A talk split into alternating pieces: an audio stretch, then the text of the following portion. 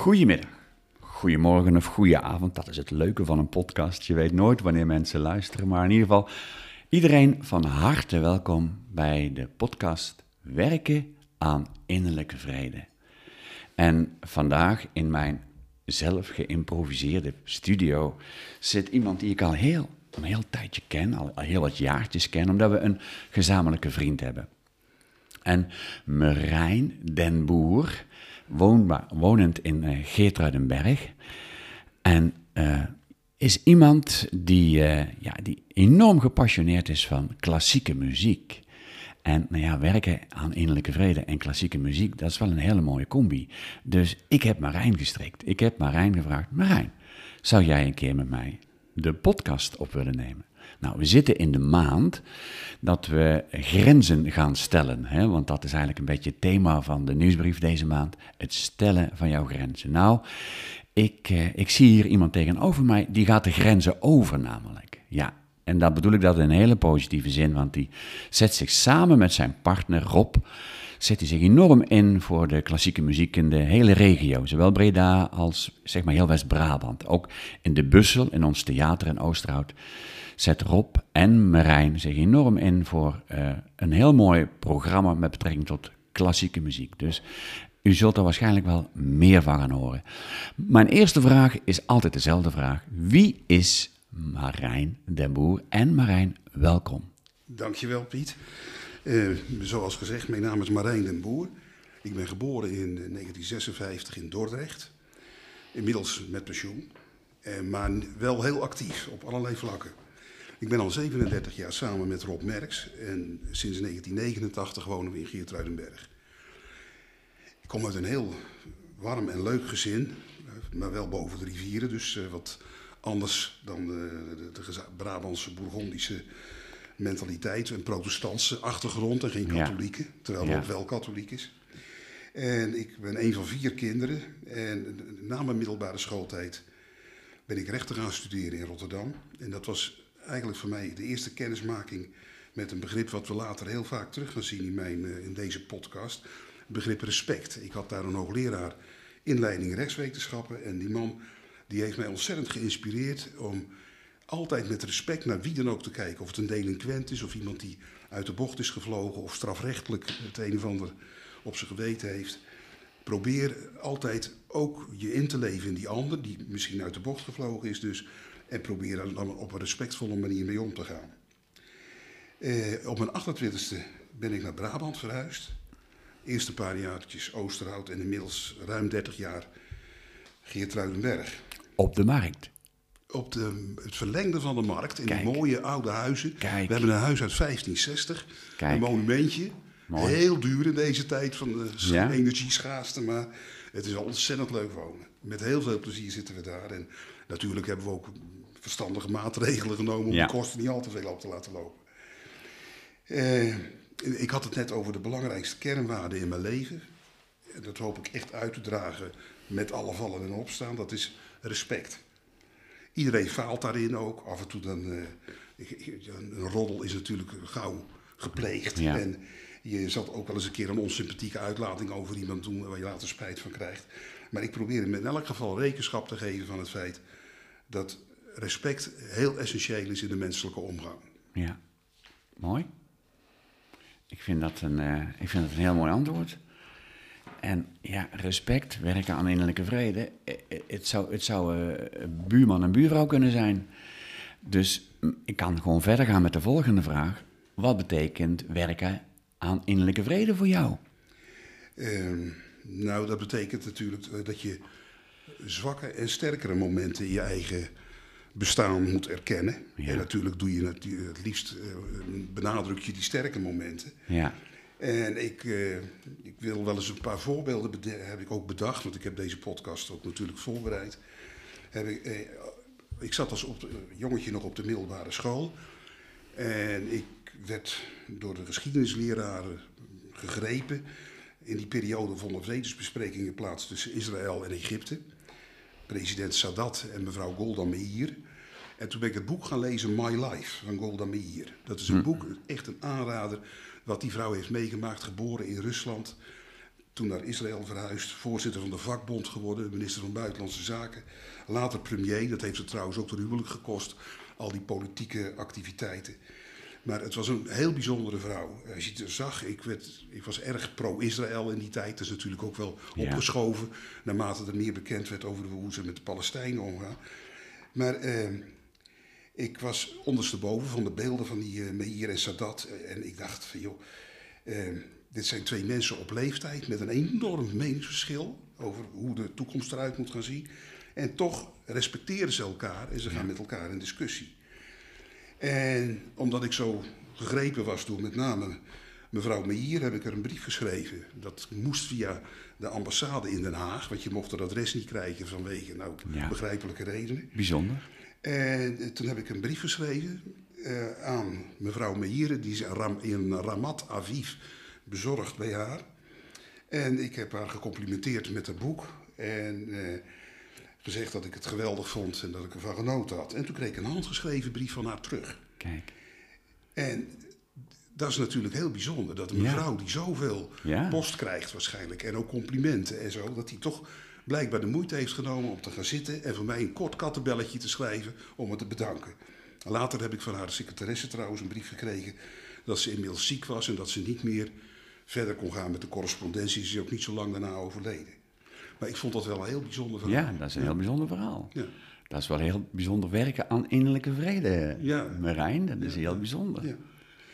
En een tweede voorbeeld eh, wat me te binnen schoot, en ik heb het na moeten zoeken natuurlijk, het is alweer langer geleden dan ik dacht, is 4 december 2016. Toen was Jan Terlouw te gast bij Matthijs van Nieuwkerk in De Wereld Draait Door. Ja. En de spanningen liepen toen al op en allerlei politici die allerlei onaardige dingen roepen naar elkaar. En een beetje, eh, ja, eh, zoals we zeggen, verruwing van taalgebruik en, en, en, en de manier waarop je met elkaar omgaat die niet de mijne is, zou ik zeggen. En dan zie je daar zo'n oudere man zitten die eh, daar gaat zitten vertellen waarom hij is zoals hij is.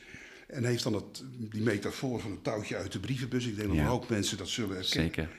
En dan houdt hij een pleidooi voor echt samenleven in een tijd waarin minderheden tegen elkaar opgezet worden. En dat, die zegt laten we elkaar kansen geven. Laten we op een positieve manier met elkaar omgaan. Laten we elkaar Ja. vooral ook respecteren dus. En stap over al die cultuurverschillen, eetgewoonteverschillen, reli- religieuze verschillen heen. Ja. Ga zo maar door. Maar probeer op een goede manier met elkaar omgang te vinden. Met 18 miljoen mensen binnenkort in Nederland. Ja. Denk ik, ja, dan moeten we toch een motor zien te vinden. Ja. En dan alsjeblieft met respect. Mooi. Komt het weer terug, hè? Ja. Jouw respect. Bijzonder. Mo- mooi moment ook. Ik, ik zie het ook nog voor me. Ja, ja, Inderdaad, het touwtje uit de deur.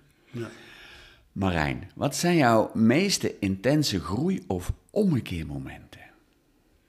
Ja, dat is een hele lastige. Dan ben je ook, dan ga je je privé-domein tuinen, ook in, in stukjes misschien waar je vaak liever niet zo zeer aan denkt. Ja. Hè, dat zou kunnen. Ja. Maar ik heb toch geprobeerd om er een paar te formuleren die, die je natuurlijk ongelooflijk op je netvlies hebt. En dat is om te beginnen in 1987 ontmoette ik in oktober Rob, mijn latere echtgenoot. In Ja. 2003 zijn we getrouwd. En ik had daarvoor vriendinnen gehad en ik had altijd mezelf wijs gemaakt van... joh, dat gaat wel over het feit dat je misschien meer op mannen dan op vrouwen valt. Maar die- die vriendinnen van me, dat waren geen successen. En het, gelukkig heb ik met ze allemaal nog hele leuke contacten. Rob ook trouwens. Dus wat dat betreft heb ik ook op, wel op een respectvolle manier ben ik met ze omgegaan, denk Ja. ik. Want anders hadden ze me waarschijnlijk niet direct meer toegelaten in hun Nee. eh, vriendenkring. En eh, nou ja, ik was dus niet uit de kast totdat ik Rob tegenkwam. En die heb ik voorgesteld aan mijn eigen familie en aan vrienden. En toen viel er een lode last van mijn schouders. Want toen bleek opeens dat het probleem bij mij zat en niet Ja. bij die omgeving van me. Die dus heel ja, tolerant en progressief en begripvol en niet oordelend. Ja. Maar gewoon aan de ene kant ook wel een beetje verbaasd als je altijd vriendinnen hebt gehad. Ja, van, nee, dan komt hij opeens met een man af. Hè. Dat Ja. was niet direct de verwachting, maar dat was eh, in elk geval een, een heel indrukwekkend moment in mijn leven. Dat ik voor de eerste keer bij mijn ouders kwam en dat ik Rob voorstelde. En dat Ja. dat eigenlijk van meet af aan klikte. En het in de loop van de tijd zelfs een, gegroeid is tot een echte, oprechte vriendschap tussen mijn ouders en hem. Mooi. Dus een beetje zelfs los van mij, zeg maar. Mooi. En dan heb ik het nu net over mijn ouders gehad. En het, het- een, ommekeer in mijn leven was ook wel op een gegeven moment. Ik was 58 en mijn ouders leefden beide nog. Dan heb je natuurlijk een redelijk luxe positie. Nou, hè. Dat inderdaad. Is, dat is boffen. eh, ja. Nou, mijn vader die was eh, op een gegeven moment 89 en oud en gewoon op. En die overleed. En mijn moeder die was ook 89. En die schoot alleen over. En die leed nogal veel pijnen. En was ook erg eenzaam nadat mijn vader overleden was. En ze had daar al jaren over gesproken dat ze dan eigenlijk niet meer verder wilde met haar leven. En dat had ze ook uitgesproken naar de huisarts en naar, de- naar ons als kinderen. En wij respecteerden dat allemaal. Maar toen kwam ze er ook daadwerkelijk op terug. En met name bij mij. Want ik was de, toch een beetje het aanspreekpunt over dit soort zaken bij haar. Ja. En toen hebben we dat in werking gezet. En toen is ze in oktober 2014 overleden. Middels euthanasie. En ik moet zeggen, ik ben heel blij dat dat kan in Nederland. Ja. Maar ik vind het wel ongelooflijk ingrijpend in je leven. Als je dat meemaakt. Ja. Dat eh, hakt erin. En zeker als je zo'n goede verstandhouding met je ouders hebt zoals ik die had. En Ja. vooral in dit geval met mijn moeder vanwege het feit dat die dat toen eh, actief heeft laten plaatsvinden. En dat is een moment, dat blijf je eeuwig bij. Dat Ja. laat je nooit los volgens mij.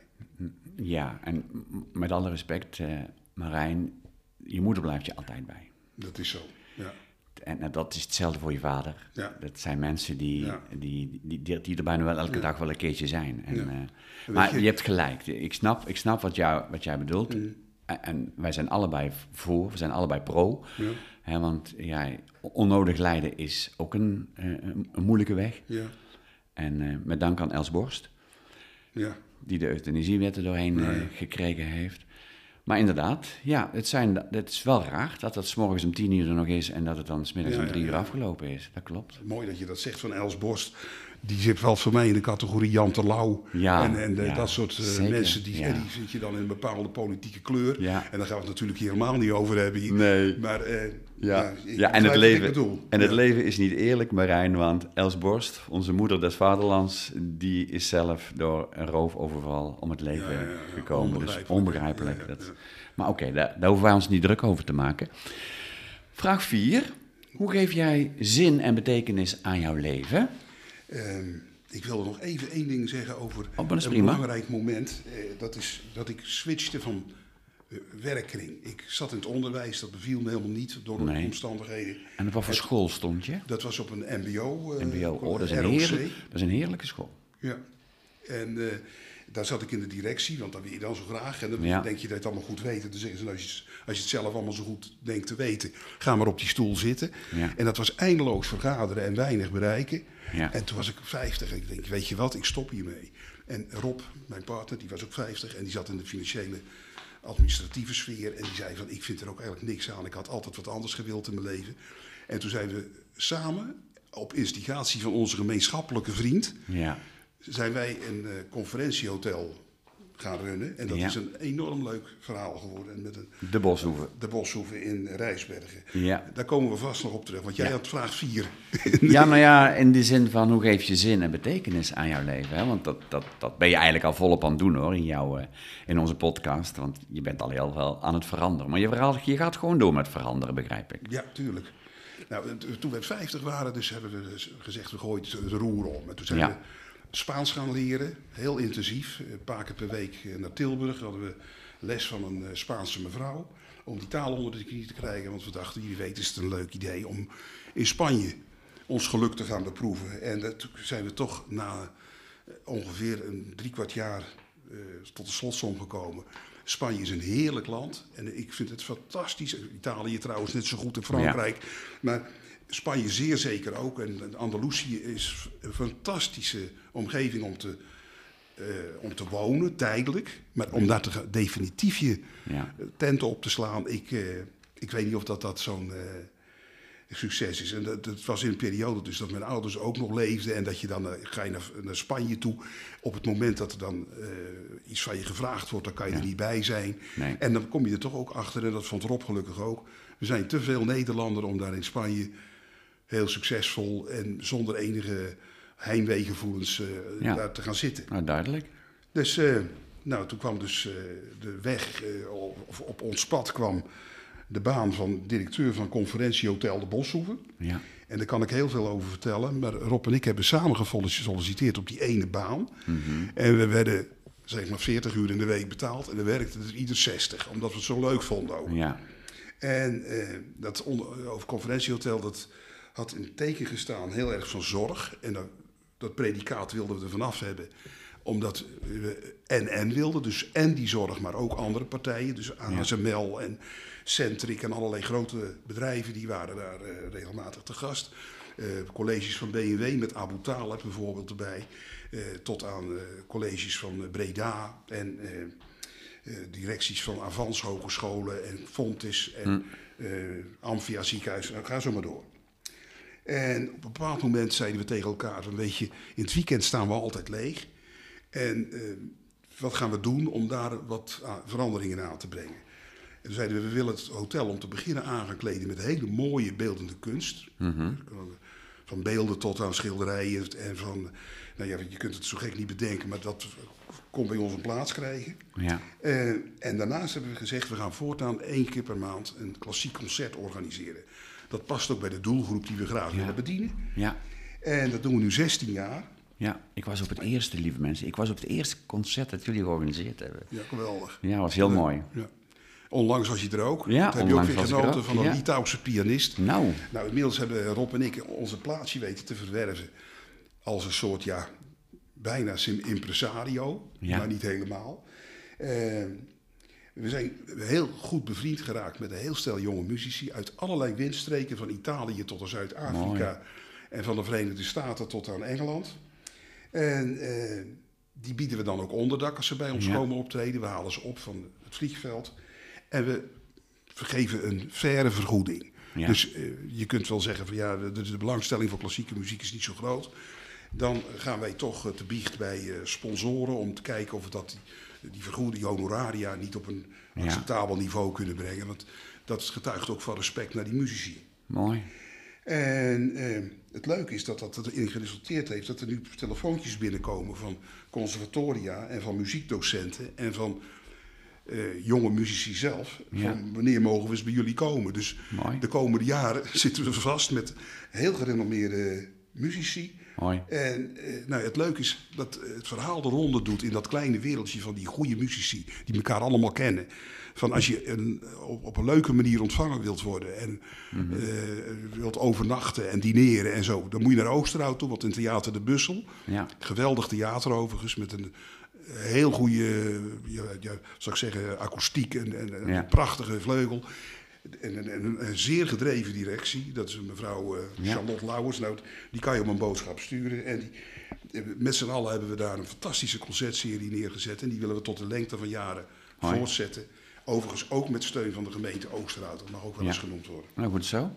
Goh, wat op een leuke manier geven jullie zin en betekenis, Ja. Marijn. En ik moet ook eigenlijk een beetje zeggen Rob natuurlijk in deze.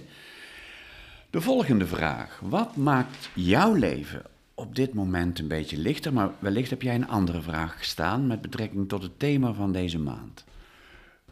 Eh, Vraag 5. Nou, in eh, vraag 5, ik heb hem als volgt geïnterpreteerd. Ik eh, ben de. Kijk, ik, ik had het net over Golda Meir en over de Ja. wereldvrede en het Midden-Oosten en noem maar op. Eh, ik kan me nog herinneren, als jong ventje was ik idealist tot en met. En je had het idee van, nou, de wereld gaat veranderen en verbeteren. En dat moet allemaal veel beter kunnen dan het nu gaat. En daar gaan we Ja. een steentje aan bijdragen. En op een bepaald moment dan kom je tot de slotsom dat dat allemaal toch wat stroever loopt dan je hoopt. Ja. En toen heb ik me eigenlijk gerealiseerd van ik kan wel allemaal gelopen roeptoeteren van het moet allemaal anders in de wereld. En natuurlijk zou je willen dat Oekraïne en, en, en Ethiopië en dat het allemaal rustig en vredig werd. Maar dat is ook een illusie om daar te, van te denken dat jij er als individuele Ja. burger in Nederland wat aan kunt doen. En dan denk ik van ja, kijk nou eens om je heen in kleine kring. Wij hebben eh, nogal, dat vinden Rob en ik heel leuk, alle twee om te koken. En dan koken wij voor een aantal senioren in Geertruidenberg. En die hoeven daar overigens niet voor te betalen. We koken gewoon wat meer dan we te doen gebruikelijk doen. En die mensen die komen af en toe met een fles, fles wijn naar je Ja, toe. En ja, die zijn ontzettend dankbaar en die vinden het heel Mooi. leuk dat je dat doet. En nou ja, op die manier zeg je, draag ik toch bij aan Mooi. Nou, ik, ik, ik organiseer, voor, eh, organiseer voor een eh, initiatief van AWB. Dat heet Automaatje. Ben ik één dag in Ja. de week matchmaker. Leuk. Zorg ik dat er ritjes bij de mensen terechtkomen die daar gebruik van willen maken. Mooi. En ehm, het lokale zwembad in Geertruidenberg Ja. zocht deze zomer een eh, toezichthouder. En anders konden ze niet open, want dan moet iemand aan het bad staan die Ja. verantwoord toezicht houdt. Nou, op een bepaald moment heb ik gezegd eh, tegen de bedrijfsleider daar van luister eens, ik ben wel 66, maar ik ben niet, eh, ik ben hartstikke sportief en ik zwem dagelijks en ik kan al die eisen die je moet, Ja. die je moet Je een badmeester moet hebben. Die Ja, die, daar, daar, die- daar voldoe ik ruimschoots aan. Dus zeg het maar. Nou, hij belde me de volgende dag op en ik had een contract aan mijn broek. Kijk, En ze willen me volgend jaar weer terug hebben ook. Leuk. dat is wel leuk, Leuk. om te horen. nou mooi. Ja.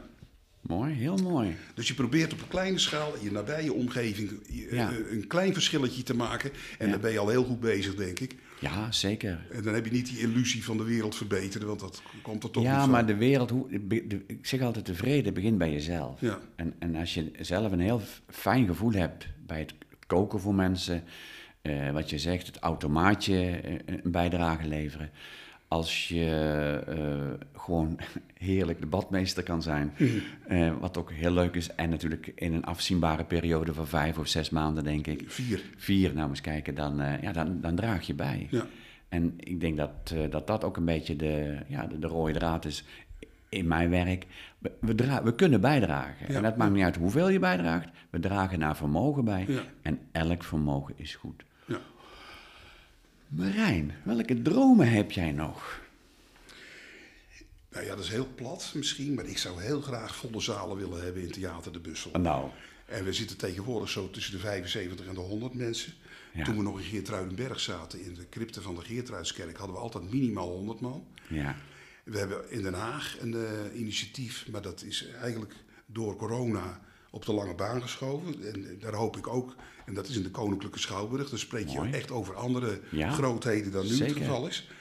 Maar eh, dat is allemaal toekomstmuziek. Maar ik hoop in elk geval heel concreet dat wij binnenkort ook veel jongeren kunnen gaan begroeten die met klassieke muziek iets te maken willen hebben. We hebben Ja. hier met het lokale Olbert Gymnasium een heel leuk contact. Ja. We hebben gezegd, die kunnen 25 leerlingen en, en docenten per keer afvaardigen om naar de Bussel te komen tegen een sterk gereduceerd tarief. Mooi. En ja, dat is eh, een, een droom die ik koester. Een heel andere droom is dat ik gezond oud word samen met Rob natuurlijk. Natuurlijk. Dat, eh, en eh, Prima. nou ja, dat is Ja. uiteraard ook een, Ja. een legitieme wens. Natuurlijk. ja.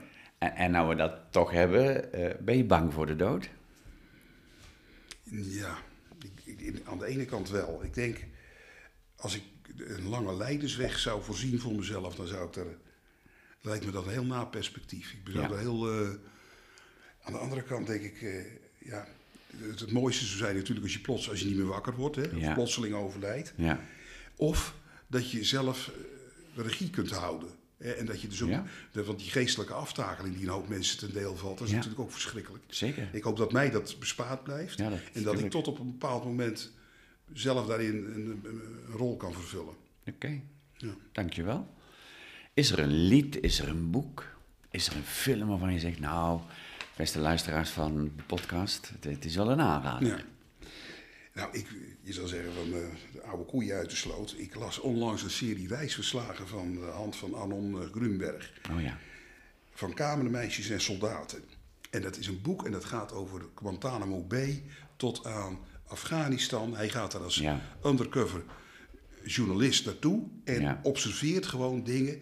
En die beschrijft hij op een manier die zijn voor mij heel indrukwekkend. Ja. En hij, de manier ook waarop hij open-minded ja, daar naartoe kijkt. En gewoon noteert en niet oordeelt, maar gewoon zich verbaast vooral. Ja. Dat doe ik ook heel vaak, dat ik me verbaas over dingen. Maar als je altijd maar een oordeel klaar hebt, Schiet dat, dat schiet niet op. mooi. Eh, nou, en wat een lied en een beeld betreft, ik heb eh, natuurlijk veel met klassieke muziek, maar ik ben ook een, een veelvraat als het over mooie muziek gaat op andere, Mhm. ja, uit andere genres. De Beatles is voor mij altijd een iconische band gebleven, maar eh, als ik eerlijk ben in mijn leven, het meeste heb ik genoten van live concerten van Bruce Springsteen. Zo, Wat die man op een podium weet te bereiken en Ja. wat die aan oeuvre heeft. En het is natuurlijk niet altijd allemaal even mooi, maar dat was het bij Mozart ook niet. Maar ik heb een- op een bepaald moment, en eh, toen kwam eh, Frans Timmermans bij De Wereld Draait Door. En die, eh, dat is ook een waanzinnige Springsteen-fan. Ja. En die liet toen een fragment zien uit het Kennedy Center in 2014. En dat zong Sting, The Rising, Ja. van Bruce Springsteen. In het bijzijn van Michelle en Barack Obama. Joe Biden, die zat er volgens mij ook bij. En Sting die heeft daar dat nummer gebracht met een gospelkoor erbij. Ken het. Nou, het was gewoon Ja. kippenvel. Als Ja, ik er nu aan denk, krijg ik het weer. Nou, mooi. En, eh, nou, en, die twee mannen die hebben ook samen nog een boek geschreven, niet zo lang geleden. Dus Obama en Ja. Springsteen. Ik heb het. Ja, nou, geweldig. En dat, zo'n- boek. dat zulke mensen die toch uiterste vertegenwoordigen in, een, eh, in, in de culturele beleving, Zeker. dat, dat die toch met respect voor elkaar dit soort dingen tot stand brengen. Heel mooi. Ja. Goh, mooi. Ik, eh, ik heb heel veel gehoord, eh, Marijn. Ik heb jouw respect gehoord. Ik heb jouw veranderingen gehoord. Ik, ik heb je, jullie initiatieven gehoord. Eh, nou, we nemen het respect zeker vandaag vanuit je, jouw leven mee. En, en ook jouw enthousiasme. En natuurlijk ook die zin en betekenis, want dat is zo wezenlijk. En zeker als je je grenzen aan het verkennen bent, eh, ga dingen doen waar je energie van krijgt. Nou, hier zit iemand tegenover mij en die krijgt ontzettend veel energie van het organiseren van klassieke concerten. Die, die, die wordt er warm van en die wordt er enthousiast van en die wordt er blij van. En dat is natuurlijk eigenlijk waar het om gaat. Hè. Datgene gaan doen, en dat eh, ook wat je zo mooi zei en wat met je met ons deelde op 50-jarige leeftijd. Dus lieve mensen, leeftijd doet er niet toe. Je kunt morgen al iets gaan doen waarvan je denkt, ja, dat wil ik. Ja. En, en wees, wees welkom in de eerste zondag van de maand in de Bussel. Want dan is daar altijd een klassiek programma, een klassiek concert. En daar staan twee eh, leuke heren, die staan je op te wachten, die begroeten je. Die heten je van harte welkom, ook al kom je daar voor de eerste keer binnen. En die wijzen je naar je plaats toe en je voelt je van harte welkom. Marijn, hartelijk dank voor jouw eh, inbreng, hartelijk dank voor jouw openheid en jouw eh, enthousiasme. En eh, we besluiten de podcast altijd zoals we beginnen met de gong, de magische gong van Piet, van werken aan innerlijke vrede.